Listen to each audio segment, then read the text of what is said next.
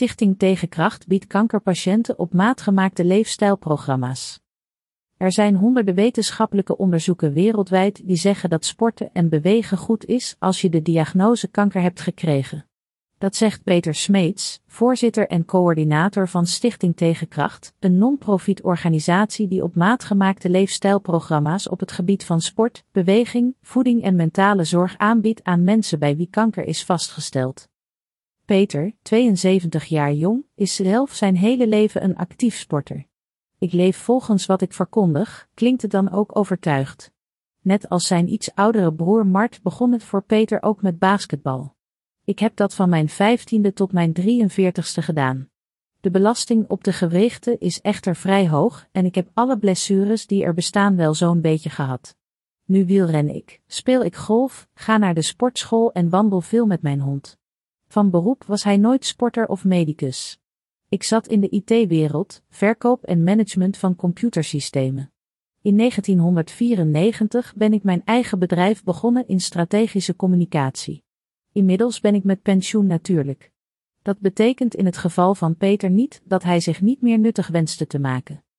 Alp d'Huez. De inwoner van Driebergen is sinds 2012 verbonden aan tegenkracht. Ik rolde erin, zoals dat heet. Via mijn buurman, die penningmeester is bij tegenkracht. Hij wilde Alp d'Huez, het met de fiets beklimmen van de Alp d'Huez om geld in te zamelen voor kankeronderzoek, gaan doen.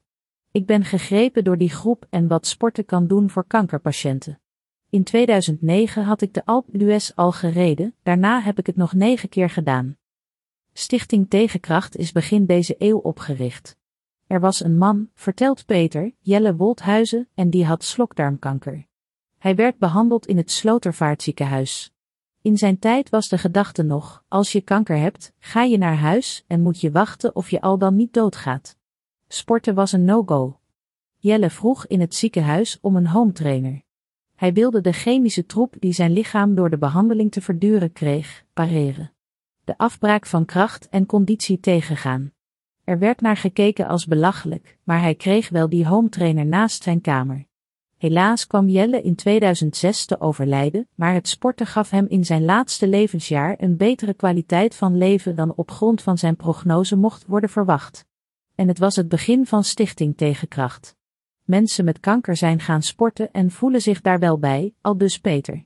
Vermoeidheid, angst en krachtverlies komen veel voor bij patiënten met kanker. Er is gebleken dat sporten, bewegen, dieetadvies en mentale begeleiding dat kunnen tegengaan. Investering. Een van de speerpunten van Stichting Tegenkracht is prehabilitatie. Dit betekent al voor eventuele behandelingen en operaties sterker en fitter worden. Het is als trainen voor een sportwedstrijd, zegt Peter. Zorgen dat je fysiek en mentaal zo goed mogelijk de wedstrijd ingaat, in dit geval de behandeling. Tegenkracht werkt samen met het UMC in Utrecht voor patiënten met darmkanker. Uit eerste onderzoeken blijkt dat de patiënten beter uit de operatie komen als ze dat hebben gedaan. Er zijn ook minder dagen opname nodig, dus het scheelt ook nog eens in de kosten. Het is een investering aan de voorkant. Wat Stichting Tegenkracht doet, is maatwerktrajecten aanbieden aan mensen met kanker. We begeleiden nu 4 tot 500 mensen. Allemaal één op één, zegt Peter. Er is intensief contact en bewijzen de weg. Voor, tijdens en na een behandeling begeleiden we de patiënten en zorgen dat ze toegang hebben tot alle behandeltrajecten. We helpen om een pakket samen te stellen, met bijvoorbeeld oncologie-fysiotherapeuten, diëtisten, fitnessbegeleiders en we hebben ook psychologische aspecten toegevoegd. Het mentale aspect kan namelijk een belangrijke rol spelen, vertelt Peter. Deze mensen zitten in een fase van hun leven die heel erg gedomineerd wordt door angstgevoelens. Over hun eigen leven, maar ook hoe ze het aan de familie moeten vertellen. Als mensen zich gesteund voelen, heeft dat een gunstige uitwerking op de kwaliteit van leven. Het begeleidingstraject duurt 6 tot 8 maanden. Aan het einde daarvan is het de bedoeling dat mensen zelfstandig die levensstijl erop nahouden. Dat ze zich goed voelen als ze bewegen, of dat nou hardlopen is of een wandeling met de hond.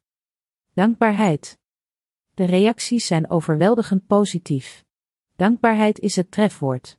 We doen ook tevredenheidsonderzoeken en we scoren 8,5 tot 9. Daar zijn we natuurlijk heel blij mee. We geven ook helderheid in het kostenaspect. Als mensen niet voldoende verzekerd zijn of de behandeling bij de fysio niet kunnen betalen, hebben wij daar een fonds voor waarbij we op bescheiden schaal wat mogelijk kunnen maken. Ook voor masseurs ziet Peter een rol in het begeleiden van kankerpatiënten. In het ziekenhuis ondergaan de patiënten chemotherapie, operaties en bestralingen.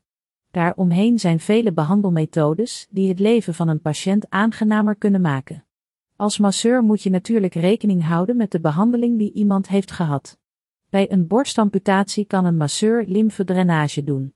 In het algemeen geldt dat de massage ontspannend is, dus aanvullend kan het heel goed helpen. Ontspanning, het wegnemen van pijn, communicatie. Wel altijd met inachtneming van de medische richtlijnen natuurlijk. Een kankerpatiënt is verbonden aan een fysiotherapeut. Als tip zou ik geven dat de masseur met de fysio contact opneemt. Zoek de communicatie met de collega-behandelaar. Masseurs kunnen bij Stichting Tegenkracht advies krijgen en ze kunnen zich aanmelden. Peter zegt, graag zelfs, dat maakt ons aanbod alleen maar rijker. Alles wat bijdraagt aan de kwaliteit van leven is goed.